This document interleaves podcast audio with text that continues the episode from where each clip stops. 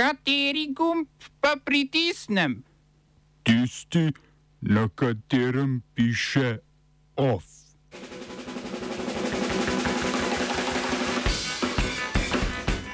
Tunizijski predsednik Kais Said razpustil parlament. Južna Osetija bi se priključila Rusiji. V Zimbabveju menjava zemljiške politike. Državni zbor ponovno o prepovedi frackinga. V kulturnih novicah ta obskurni šarm fašizma.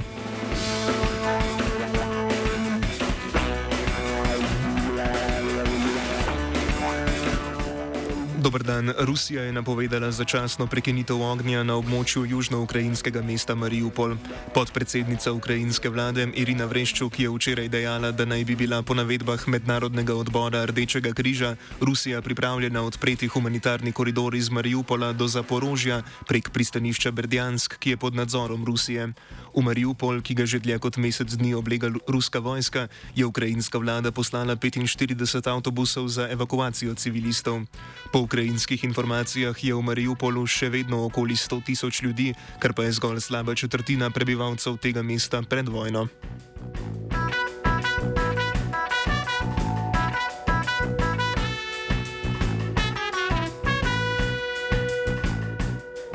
Predsednik samooklicane republike Južna Osetija Anatolij Bibilov je na ruski državni televiziji izrazil željo po priključitvi Rusiji.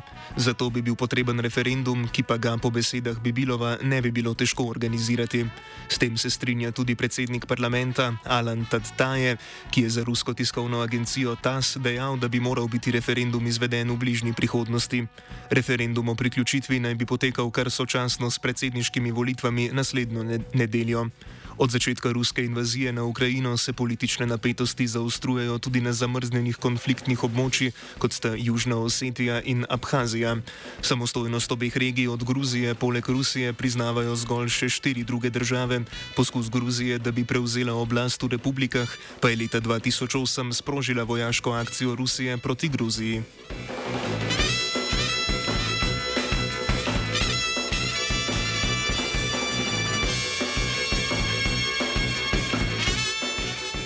Zimbabvejski kmetijski minister Anxious Masuka je napovedal, da bodo začeli oduzemati neizrabljeno zemljo, ki je bila podeljena temnopoltim kmetom. To je prva večja sprememba zemljiške politike od leta 2000. Takrat je vlada nekdanjega predsednika Roberta Mugabeja začela prerasporejati zemljo, ki je bila prej v večinski lasti belcev, v roke temnopoltih kmetov. Zaradi korupcije je veliko zemljišč prišlo v roke peščici politično povezanih posameznikov, številnim kmetom pa ni uspelo upravljati z novo zemljo. Na volitvah naslednje leto se bo več desetletij vladajoča stranka ZNUPF soočila z vse bolj priljubljeno opozicijsko državljansko koalicijo za spremembe. Ta je prejšnji konec tedna na izrednih volitvah v 28 okrajih osvojila kar 19 sedežev.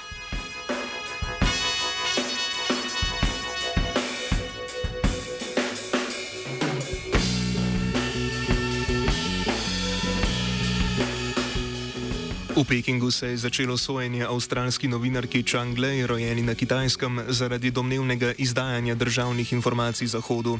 Sojenje nekdanji popularni novinarki državne televizije CGTN, ki je morala ta medij zapustiti leta 2020 in je bila aretirana februarja lani, poteka za zaprtimi vrati. Avstralske oblasti so sporočile, da lahko njihovi predstavniki Chang Lei, odkar je v zaporu, obiščajo enkrat na mesec. Odnosi med Kitajsko in Avstralijo so se v zadnjih letih poslabšali. Posledica tega je med drugim otežitev pogajanj glede izpustitve zapornikov. Zaradi vohunjenja je na Kitajskem že tri leta v zaporu tudi Yang Henjun, ki je prav tako avstralski državljan.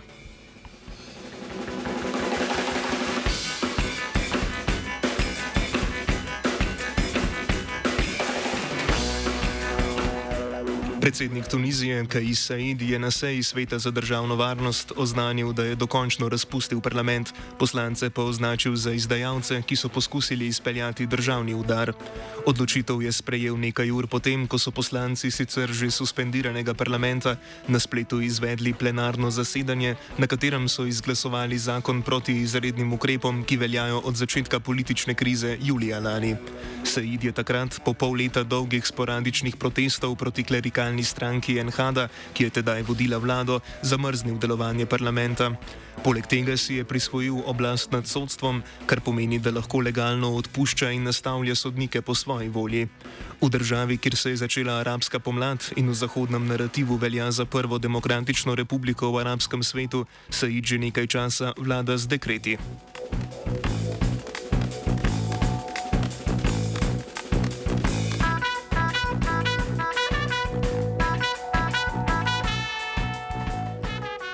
Turško tožilstvo je zaprosilo za ustavitev sojenja 26 državljanom Saudove Arabije za umor novinarja Džamala Kašogija. Nobeden od obtoženih že od začetka sodnega procesa ni prisoten, zato si želijo, da bi se sojenje nadaljevalo v Saudovi Arabiji. Kašogija so leta 2018 umorili na saudskem konzulatu v Istanbulu.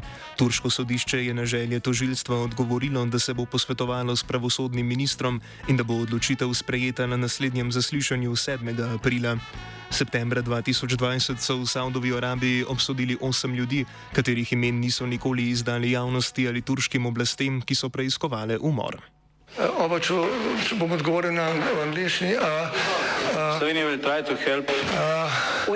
Slovenija bo naredila svoj utmost, da bo rekla, da je situacija naš problem, sami. In da bomo naredili nadaljnje korake, as soon as the conditions are. Bomo vlado Marjana Cererera Šarca podprli. Zelo, zelo resno. Slovenija. We know how and we will. Danes poteka izredna seja državnega zbora, na kateri bodo med drugim obravnavali predloge za vzpostavitev družbe za upravljanje javnega potniškega prometa, prepoved frackinga ter spremembe glede otroškega dodatka.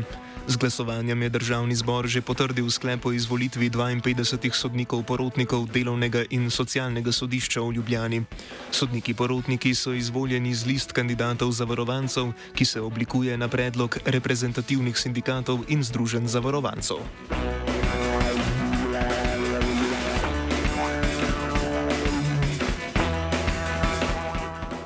Začel je teči rok za zbiranje podpisov v podporo noveli zakona za zmanjšanje neenakosti in, in škodljivih posegov politike, ki jo predlaga inštitut 8. marec. S tem želijo odpraviti po njihovem mnenju negativne zakonske spremembe, ki so bile sprejete v zadnjih dveh letih. Odpraviti hočejo spremembe zakona o uresničevanju javnega interesa za kulturo, ki ministru za kulturo omogoča končno odločitev glede sklepov strokovnih komisij pri podeljevanju javnih sredstev. Predlog vsebuje tudi odpravo spremembe zakona o prevozih v cestnem prometu, ki je omogočil delovanje aplikacije Uber. Napovedali so, da bodo v času zbiranja podpisov v okviru gibanja Gremo volit ob koncu tedna potovali po različnih krajih in organizirali lokalne akcije. Za vložitev predloga novele in začetek zakonodajnega postopka je potrebnih 5000 predpisov. Rok se izteče 28. maja.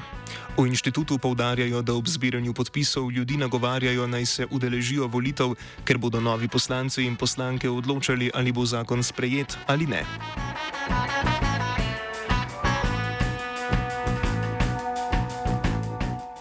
Nadzorni svet Gen Energije je za novega direktorja imenoval pred dnevi razrešenega sekretarja na Ministrstvu za infrastrukturo Blaža Košoroka.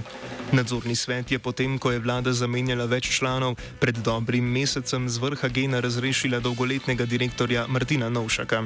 Košorok je bil med leti 2012 in 2017 že direktor drugega velikega državnega energetskega podjetja Holding slovenskih elektrarn.